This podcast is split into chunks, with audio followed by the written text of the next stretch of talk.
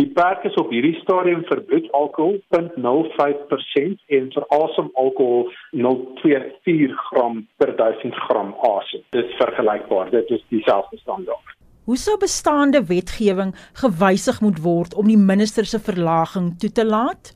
Nou hier wil ek net inspring by wat die minister gesê het of waar daar berig is dat hy gesê het hy het gesê dat met die nuwe aardtoe wysigingswetsontwerp wat op een of ander stadium op die been gebring gaan word, gaan hierdie deel daarvan wees. Hy het gesê mense is daar voor want daar's 'n zero toleransie klousule en hy het net een opmerking of kommentaar terugvoer van die publiek oor die zero toleransie vir alkohol gekry. Daar alles wat ek sopas vir jou gesê het is snap.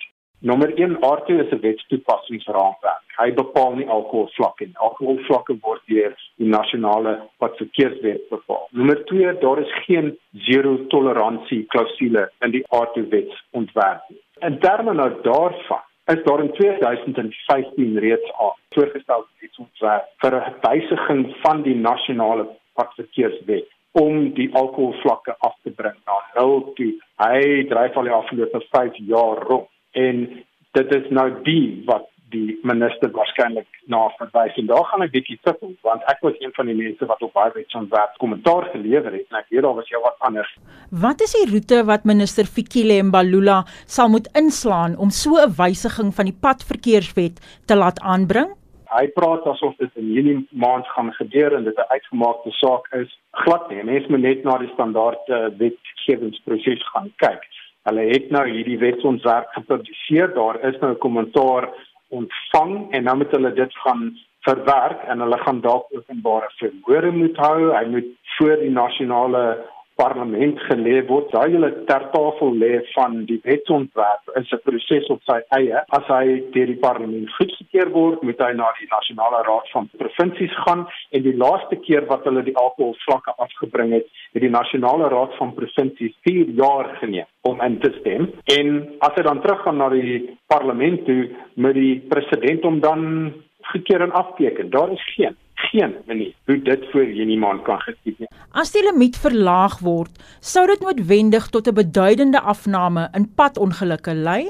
Dit is moeilik om vooruit te skat, maar ons kan wel terugkyk. Die oorspronklike alkoholvlak wat ons tot 1995 toe gehad het, was 0.08%. Hy is toe in 1995 tot 0.05 afgebring. Die eintlike verandering het slegs in 1999 plaasgevind.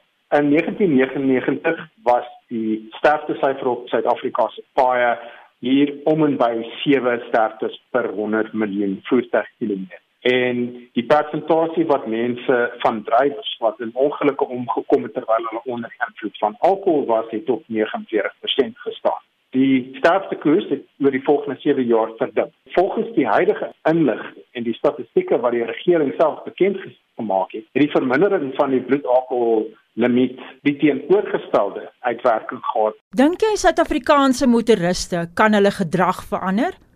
Ek twyfel. Daar is al baie dreigemente gemaak van zero toleransie. Dit gaan ook oor getalle met die dronkbestuursvlakke wat ons in Suid-Afrika het, waar 58% van bestuurders wat in ongelukke omkom oor die limiet is op 'n gemiddelde vlak van 4 keer die net so tussen. Het ons massiewe wetstoepassing nodig?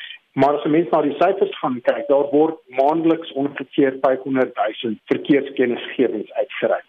Dit, sluit in arrestasies en met gewone papierboet. 3000 daarvan is vir alkoholverwante oortredings. So 3000 uit 500 000 is 'n minimale vlak. Dit is nie die vlak van wetstoepassing wat mens nodig het om die soort van probleem wat ons in die geval in Suid-Afrika aan te spreek. Tensy hulle massiewe wetstoepassingshulpbronne in die rigting van hierdie probleem gooi, gaan hulle nie 'n verskil kan maak nie. En die feit van die saak is, hulle gaan dit nie kan doen nie, want die een ding wat alkohol van sê nou spoed onderskei is alkohol verwante oortredings lei onmiddellik tot 'n hofsaak. Die ou wat die arrestasie uitgevoer het moet dan voor die hof verskyn en hy moet getuig en kan jy jou verdeel as ons 20000 mense 'n maand sou arresteer.